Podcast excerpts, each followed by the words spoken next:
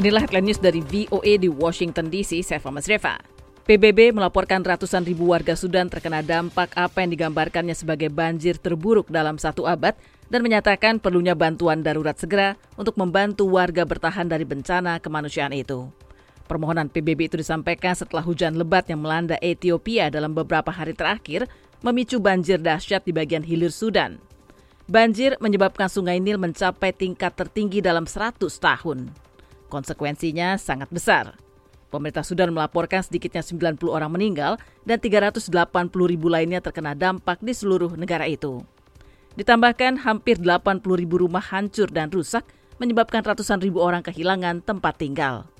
Sementara itu 34 sekolah dan hampir 2.700 fasilitas kesehatan tidak berfungsi. Juru bicara kantor PBB urusan kemanusiaan Jens Lark mengatakan Krisis itu terjadi ketika perebakan virus corona masih terus meluas di seluruh Sudan. Pemerintah Sudan hari Minggu menyatakan status darurat di negara bagian Khartoum di mana lebih dari 21 ribu orang terdampak banjir. Sementara WHO melaporkan lebih dari 13 ribu kasus corona, termasuk 833 korban meninggal akibat virus mematikan itu. Amerika sedang menyesuaikan kebijakannya atas Taiwan dan mendeklasifikasi dokumen-dokumen tentang penjualan senjata ke Taiwan, sementara Tiongkok meningkatkan tekanan terhadap negara itu. Seorang pejabat senior Departemen Luar Negeri hari Senin mengatakan, langkah terbaru Amerika itu bukan perubahan kebijakan, tetapi bagian dari serangkaian penyesuaian signifikan dalam kebijakan satu Tiongkok yang sudah sejak lama diterapkan di Amerika. Amerika telah sejak lama memperlakukan kebijakan satu Tiongkok atau kebijakan di mana Amerika mengakui bahwa Partai Komunis Rakyat Tiongkok adalah satu-satunya pemangku resmi di negara itu. Ini berbeda dengan prinsip satu Tiongkok yang dikenal Beijing, di mana Partai Komunis Tiongkok menegaskan kedaulatan atas Taiwan. Amerika tidak memiliki posisi atas kedaulatan Taiwan. Demikian ujar asisten Menteri Luar Negeri Amerika untuk urusan Asia Timur dan Pasifik David Stilwell dalam sambutan virtualnya di Heritage Foundation hari Senin. Taiwan mengatakan akan terus memperkuat kapabilitas pertahanannya dan menyampaikan terima kasih kepada Amerika karena komitmen tegas atas keamanan Taiwan. Di Beijing, pejabat-pejabat Tiongkok menyerukan Amerika untuk tidak meningkatkan hubungan dengan Taiwan. Amerika dan Taiwan telah memulai dialog ekonomi bilateral yang baru setelah Taiwan pekan lalu mengumumkan akan mencabut pembatasan atas impor daging sapi dan babi Amerika. Dirjen Organisasi Kesehatan Dunia WHO Dr. Tedros Adhanom Ghebreyesus memperingatkan bahwa tidak ada negara yang dapat berpura-pura mengatakan pandemi telah berakhir.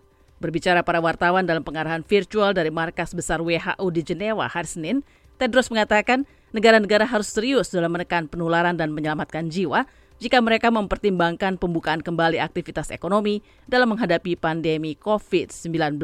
If countries are serious about opening up, they must be serious about suppressing transmission and saving lives.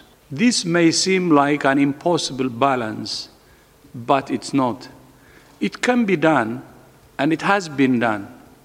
But it can only be done if countries are in control of transmission. Semakin besar kontrol atas virus itu, semakin terbuka negara-negara itu, jar Tedros. Membuka kembali aktivitas tanpa memiliki kendali atas virus akan menyebabkan bencana lanjutnya. Tedros mengajukan empat hal esensial bagi semua negara, kota, dan individu yang perlu dilakukan untuk mengendalikan virus. Di antaranya dengan mencegah pertemuan dalam skala besar di stadion dan klub malam, dan mengencarkan program pengujian, pelacakan kontak, dan isolasi. Ia mengatakan negara-negara harus mengambil langkah-langkah untuk melindungi kelompok rentan, termasuk di antaranya para lansia, mereka yang memiliki penyakit lanjutan, dan para pekerja esensial, yang menurutnya akan membantu menyelamatkan jiwa dan menghilangkan beban sistem kesehatan nasional. Tedros juga kembali mendesak orang-orang untuk tetap mengenakan masker, menerapkan social distancing atau pembatasan fisik, dan kerap mencuci tangan. Sebuah petisi sedang berjalan di Meksiko untuk memutuskan tentang referendum mengenai apakah mantan-mantan presiden akan diadili atas tuduhan korupsi. Dalam konferensi pers hari Senin, Presiden Andres Manuel Lopez Obrador mengatakan referendum itu mungkin diselenggarakan bersama dengan pemilihan paruh waktu di Kongres Juni tahun depan. Obrador menuduh pemerintah pendahulu-pendahulunya korup. Demikian headline news dari VOA di Washington DC, saya Fama Zreva.